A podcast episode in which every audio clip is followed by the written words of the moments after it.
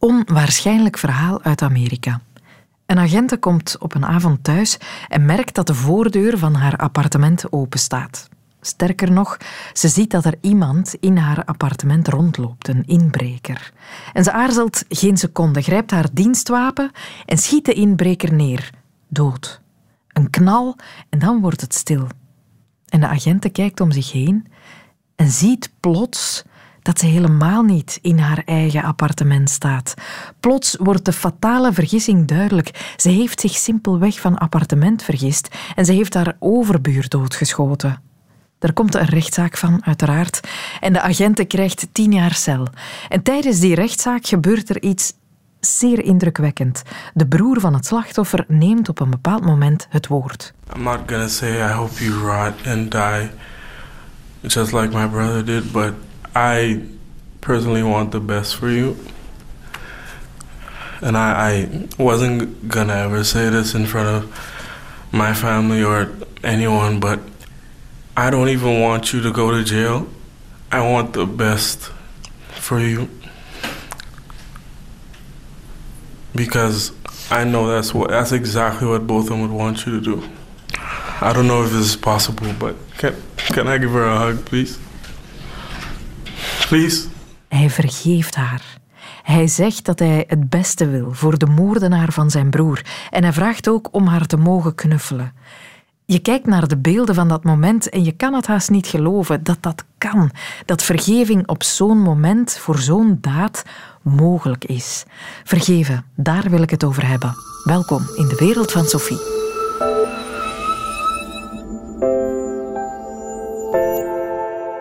Iemand neemt je het dierbaarste in je leven weg. Iemand raakt je ver onder de gordel. Iemand doet je onrecht aan. En jij zegt: Oké, verschrikkelijk, maar ik vergeef het je. Zou u dat kunnen?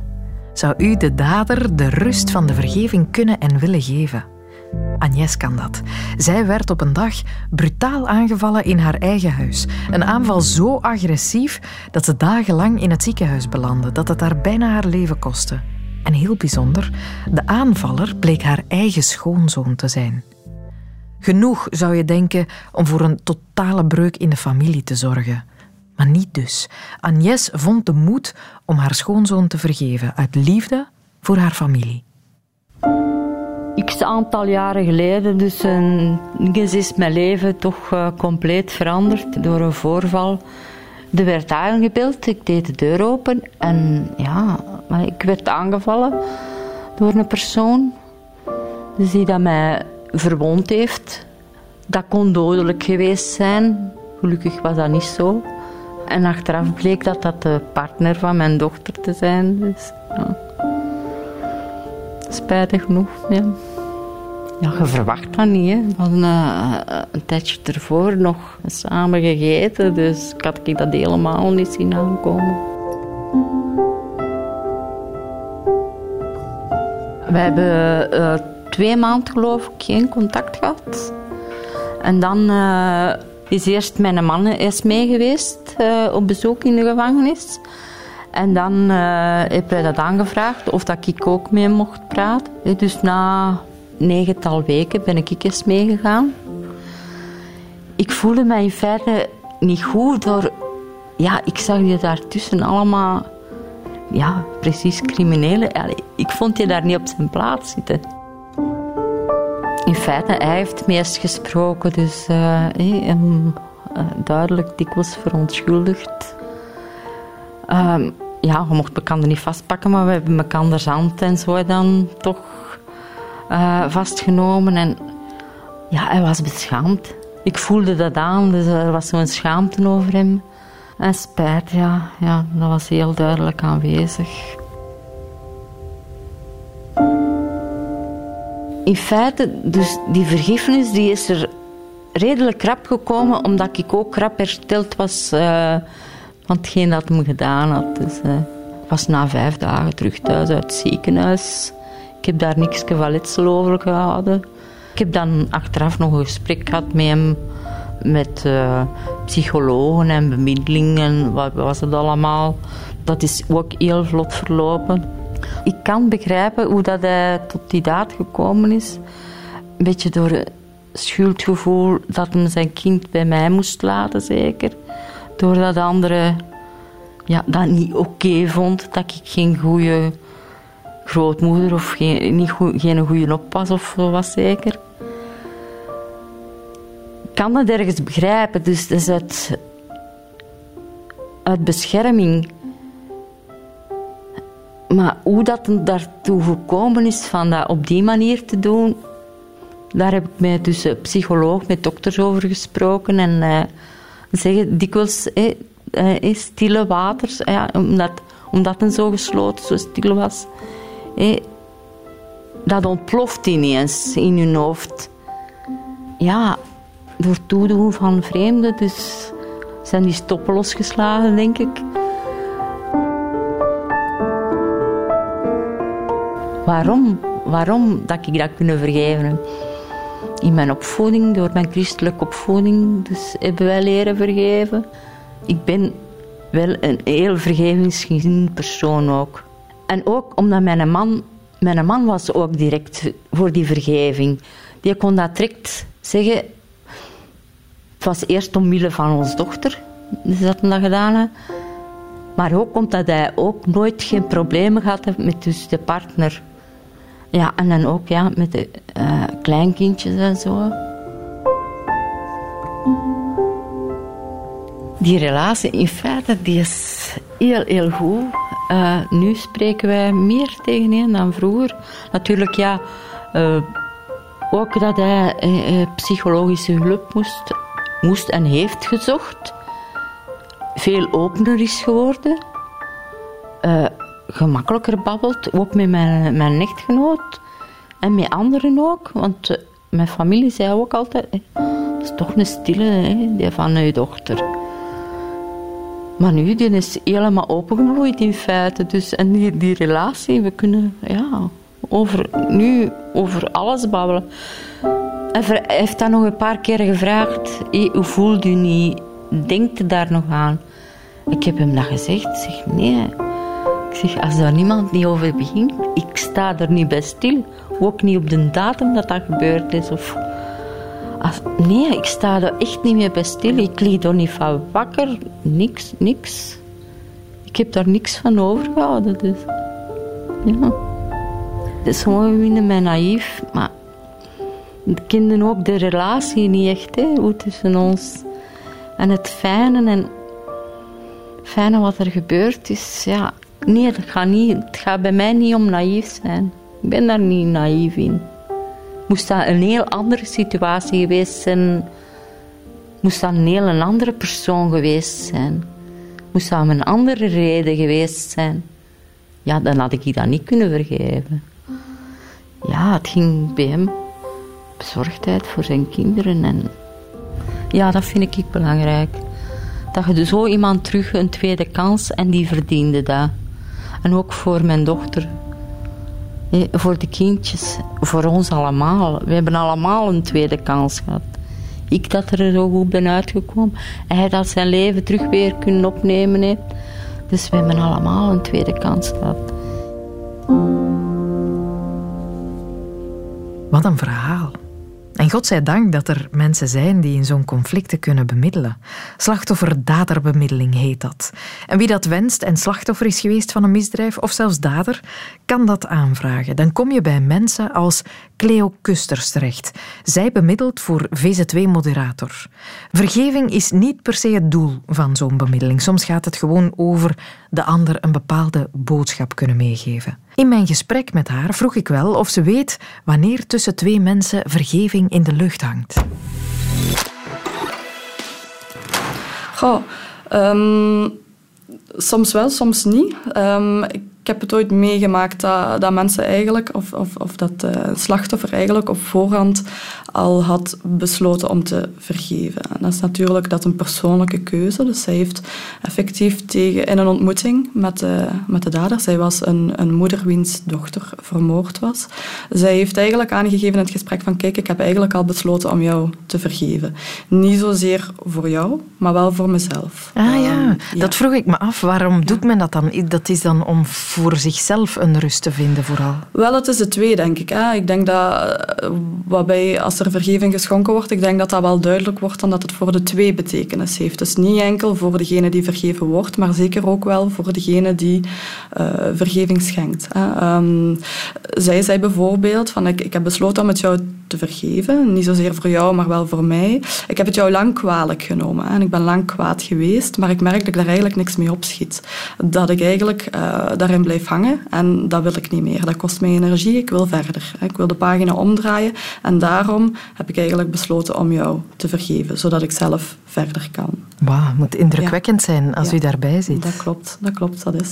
Ja. Weet u door al die gesprekken te voeren wat nodig is om iemand te kunnen vergeven? Of er een aantal voorwaarden zijn waaraan moet voldaan worden? Of wat um, helpt? Wel, wat helpt is denk ik wel om um, de andere persoon te ontmoeten. Om ook een inschatting te kunnen maken, elkaar rechtstreeks te kunnen spreken en in de ogen te kunnen kijken. Ik denk dat dat helpt. En vaak, want in het voorbeeld dat ik daarnet gaf, was het een bewuste keuze om te vergeven. Soms is het ook een gevoel. Ik heb het ook al, al mogen meemaken. Dat was in een bemiddeling na een dodelijk verkeersongeval. Uh, een ontmoeting tussen veroorzaker en nabestaande van de overleden man. Um, waarbij eigenlijk een van de nabestaanden op het einde van de ontmoeting zei tegen de veroorzaker van ik wist eigenlijk niet of ik jou iets kwalijk nam, of ik kwaad was op jou. Um, familieleden, familieleden van mij zeiden dat ze jou niets verwijten. Ah, wel, ik weet het eigenlijk niet. Ik mhm. wist het niet op voorhand, um, want het is wel door jou dat, dat hij er niet meer is. Dus misschien neem ik het jou wel kwalijk. Maar ik merk nu, door met jou in gesprek te zijn, ik, ik voel eigenlijk dat ik niet kwaad ben op jou. Ik voel dat ik, dat ik jou niets kwalijk neem. En dat is eigenlijk best wel een opluchting. Mhm. Dus dan wordt het, dat, dat was een mooi voorbeeld van, van hoe dat um, vergeving schenken voor de twee betekenis kan hebben en soms ook gewoon een gevoel kan zijn. Van ik voel eigenlijk, nu ik tegenover jou zit, oog in oog, dat ik jou heb kunnen spreken, voel ik eigenlijk dat ik het jou niet of niet meer kwalijk neem. Mhm. ja. Is, hoe belangrijk is schuldbesef of, of het uiten van excuses wel, ik denk dat dat zeker kan meespelen. Ik denk dat dat belangrijk is voor slachtoffers om, om die dingen te horen. Dat is een stukje erkenning ook. Um, dus ik denk dat dat zeker meespeelt, dat dat een belangrijke factor is. Maar ik zeg, het is voor iedereen ook persoonlijk waar, waar iedereen nog behoefte aan heeft. Hè. Mm -hmm, uh, ja. Gebeurt het vaak dat uh, daders naar u komen met de boodschap: Ik heb die vergeving nodig om voor te kunnen? Ik wil dat krijgen? Ja, dat kan. Dat kan zeker. Dat kan zeker. Maar dan is het afwachten wat het antwoord is. Soms stellen daders expliciete vraag, kan je mij vergeven? En dan is het antwoord nee. Dat kan ook. Dus dat mensen zeggen van nee, ik kan het jou niet vergeven. Ik ben wel tevreden dat ik jou gesproken heb. Ik ben tevreden dat, je, dat ik jouw verhaal heb gehoord en dat je mij in de ogen hebt gekeken. Maar vergeven, dat kan ik niet. Hmm. En ook dat, het niet vergeven, is kan ook betekenisvol zijn voor mensen om dat te kunnen uitspreken. En ook dat kan in een bemiddeling. Ook niet vergeven kan. En dat is oké. Er zijn genoeg verhalen van mensen die hun dader geen vergeving schenken. Dat merkte onze reporter Brecht de Volder uit toen hij op straat ging vragen aan de mensen of er voor hen dingen bestonden die onvergeeflijk zijn. Luister even mee. Nee.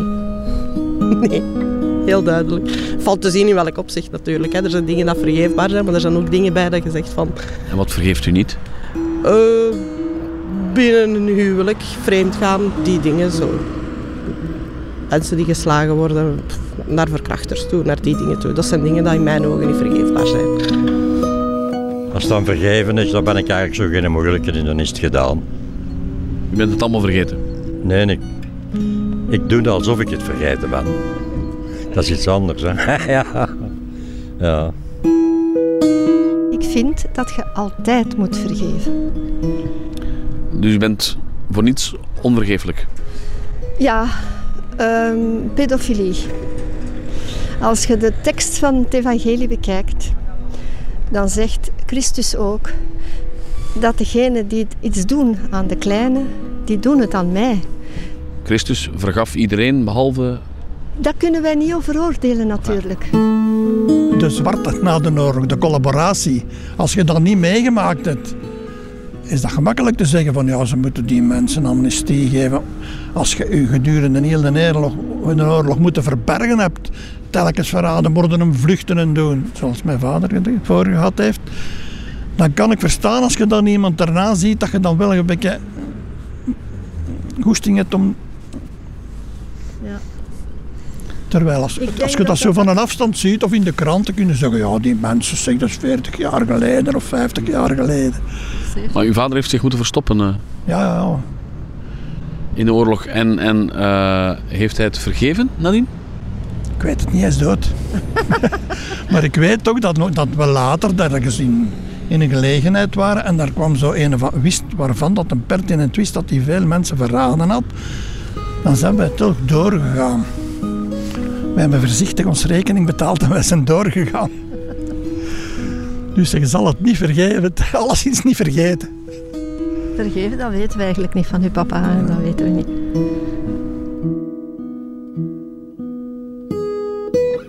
Is er zoiets, meneer, wat u onvergeeflijk vindt? Onvergeeflijk. Eh, ja. Vandaag nog voor gehad. Met mijn eigen kinderen. Eh, ik ben vandaag gescheiden. En eh, ik heb recht op de helft. Maar dat moet alles verkocht worden. En mijn dochter was daar niet tevreden mee. En dan heb ik gezegd van, kijk, ik moet je nooit met u leven. Ik heb u nooit met u leven. Van recht geef je van mij mijn leven. En van het een woord komt het ander. En dan... eh, Vervelend, dat is vandaag. dat is vandaag, ja. Eh, er zijn dingen die je niet vergeeft, inderdaad. Vind ik toch. Er zijn dingen die je niet kunt vergeven. Iemand kwaad doen... Iemand die kwaad doet aan een familie, die kun je niet vergeven. Dat doet wel, ik bedoel dat... eh, er zijn dingen die je niet vergeeft. Op het werk ook. Er zijn dingen dat ik... eh, misschien kun je zeggen dat ik haatdragend ben, maar... Er zijn dingen dat ik niet vergeef. Dingen met opzet gedaan vergeef je niet. Nooit? Eh, ik ben nog nooit op zoiets teruggekomen. Ik weet dat ik er al veel mee verloren heb, maar als ik mijn woord geef, kom ik daar nooit op terug. Maar een, een dochter kunnen misschien wel vergeven? Nee. Oei, dat is hard. Ja, nee. Nee. Oké. Nee. Dat is heel erg en dat doet pijn, maar nee.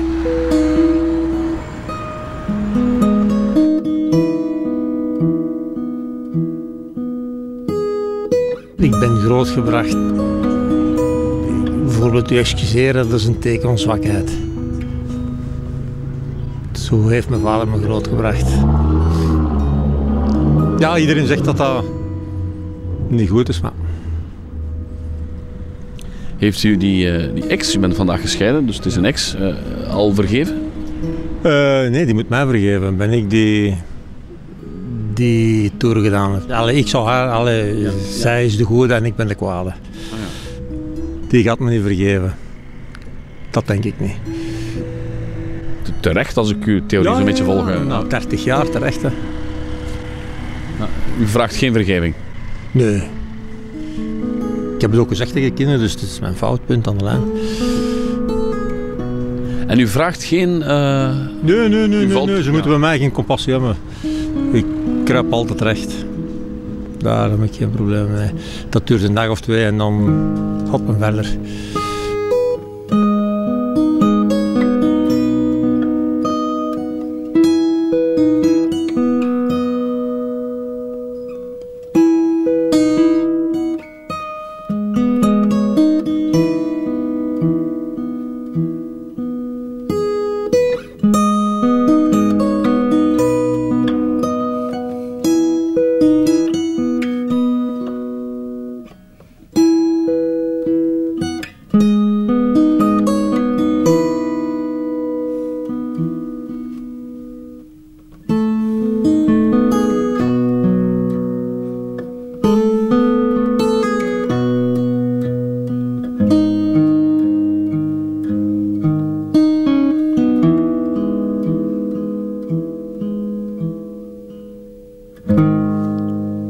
Marie-Jeanne wil het wel. Zij wil vergeving krijgen van haar beste vriendin.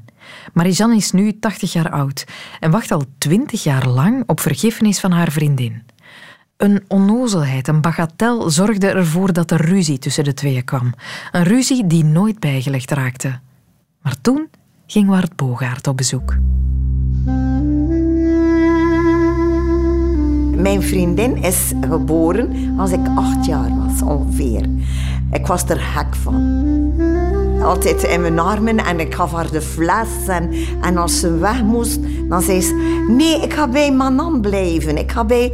Ik noem Marie-Jeanne, ze zei Manan. Ik had, en ik zei altijd tegen haar Leletje. De ogen van Marie-Jeanne worden wat glazig als ze over haar vriendin praat. Ook mijn ouders waren vriend met haar moeder en haar vader en haar oma en opa. Terwijl ze praat, dwaalt haar blik af en toe af naar het dressoir. Ik heb hier zelfs nog een foto van haar en van haar dochtertje. Kijk, ze staat hier altijd bij ons. En kijk, en dat is mijn vriendin. Zie je, ze staat hier. Ik kijk daar elke dag naartoe. Maar dat is zelfpijniging bijna. Ja, dat is een beetje zelfpijniging, ja. Ik wil daar echt vergiffenis voor hebben. Ik wil daar genade voor hebben. Ik zie haar nog altijd graag. Meer dan twintig jaar lang hebben ze elkaar niet gesproken of gezien. Dan ben ik naar de kust gegaan. En ik had daar dus eh, een, een villaatje. En zij kwam iedere maandag met haar mama kaarten bij mij. In de namiddag was, was ik de maandag altijd vrij. En dan zaten wij tezamen te kaarten. We hebben ons echt altijd vrij geamuseerd. Als zij, als zij naar Zeebrugge kwam, was daar plaats vrij om haar auto te zetten. Omdat ik een groot huis had met een groot hekken die openging en zij kon haar wagen daar zetten. Op de oprit van Marie-Jeanne in Zeebrugge stond een paaltje met twee nummerplaten. Die van Marie-Jeanne en die van haar vriendin. Dus ze heeft nooit geen miserie gehad om om haar auto daar te plaatsen.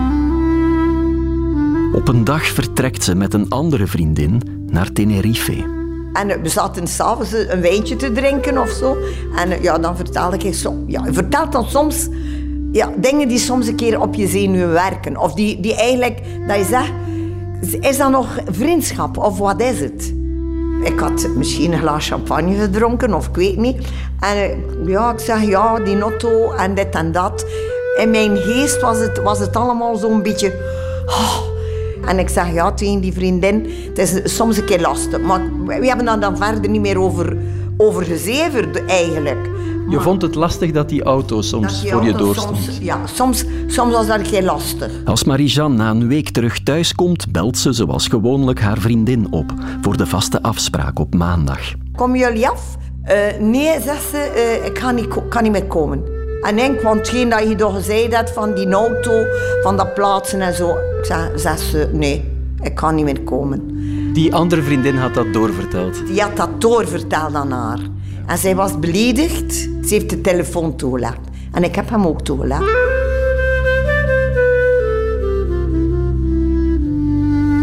Dan heb ik een brief geschreven. Ik heb die plaat van dat ijzer gedaan. Zeg, als jij me niet meer wil kennen, oké, het is niet aan te doen. Ik heb dat in haar bus gaan steken, die plaat, van haar auto. En zo is alles weg, weggevallen.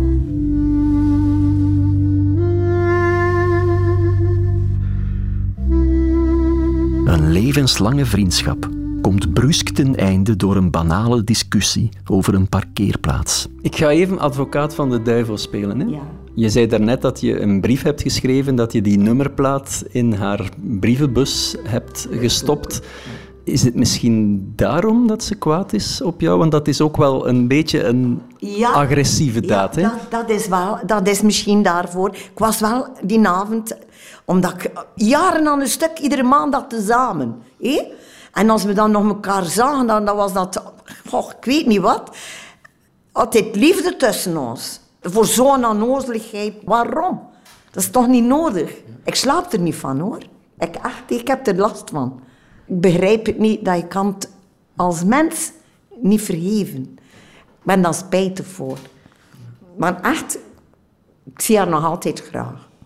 Als zij voor mij zou staan, dan zou ik zeker haar in mijn armen nemen en haar kussen en zeggen: Vergeef me als ik je pijn gedaan heb. Ik zou het zeker zeggen.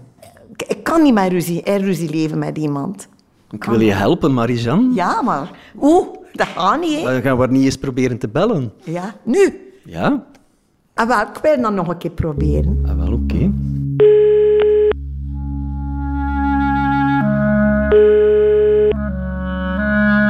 En dan gebeurt het. Hallo Loretje, het is Marie-Jeanne die je. Ik slaap er niet meer van, Lorette. Is kikken al dan nog onder foto. Waarom vergeef je dat niet? Wil je dat niet vergeven aan me? Na twintig jaar opgebouwde spanning, misverstanden, geroddel en achterklap, praat Marie-Jeanne eindelijk met haar oude boezemvriendin. Ik mis je vreselijk. In enkele minuten halen ze verloren jaren op. Weet je dat kolle daar? Met de foto van jou en je dochter. Het is een vrees aan een foto, hè? Naar de boom van 100 jaar oud. Ik kan toch een klap.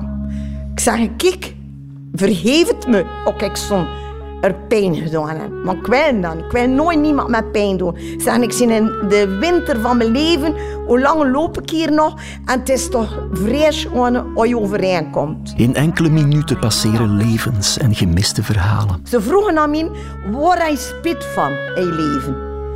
Ik heb gezegd, ik zeg, kijk dat. Hoe is dat nu mogelijk? In enkele minuten worden heel voorzichtig nieuwe banden gesmeed. Niet meer kwaad zien, me verheven, hè? Allee, kom het maar af, hè? En in enkele minuten wordt beslist dat ze de draad weer opnemen. Kan ik je zeggen, hè, als je komt, ga je me niet maken, maar dood gelukkig. Niet te geloven. Het is twintig jaar dat ik erachter wacht, achter dat, achter dat, achter dat gesprek, achter dat ze, dat ze zo komen. En nu gaan ze komen. Ik geloof nog altijd niet, het is een wonder geschied. Vrij gelukkig. Vrij. Nu, nu heb ik eigenlijk lust voor te dansen. Echt te waar, hè. Wel, kom, we gaan dansen. Ja, ja. ik zie content.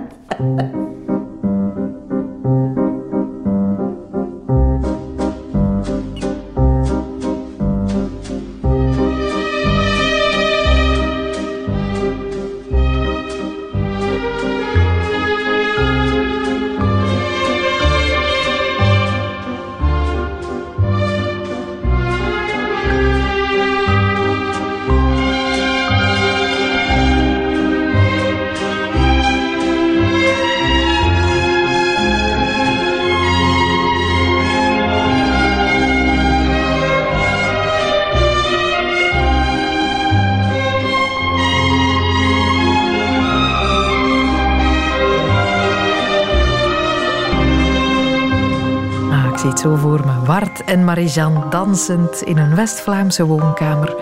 Vol verwachting en verlangend naar de verzoening die op komst is. Prachtig verhaal. Dit was de wereld van Sophie over vergeving. Als je wil, kan je je abonneren op deze podcast. Dan krijg je elke nieuwe vrucht van onze arbeid vanzelf toegestuurd. En uiteraard vind je ons ook elke weekdag tussen 10 uur en 12 uur op Radio 1. Fijn dat je luistert. Tot gauw.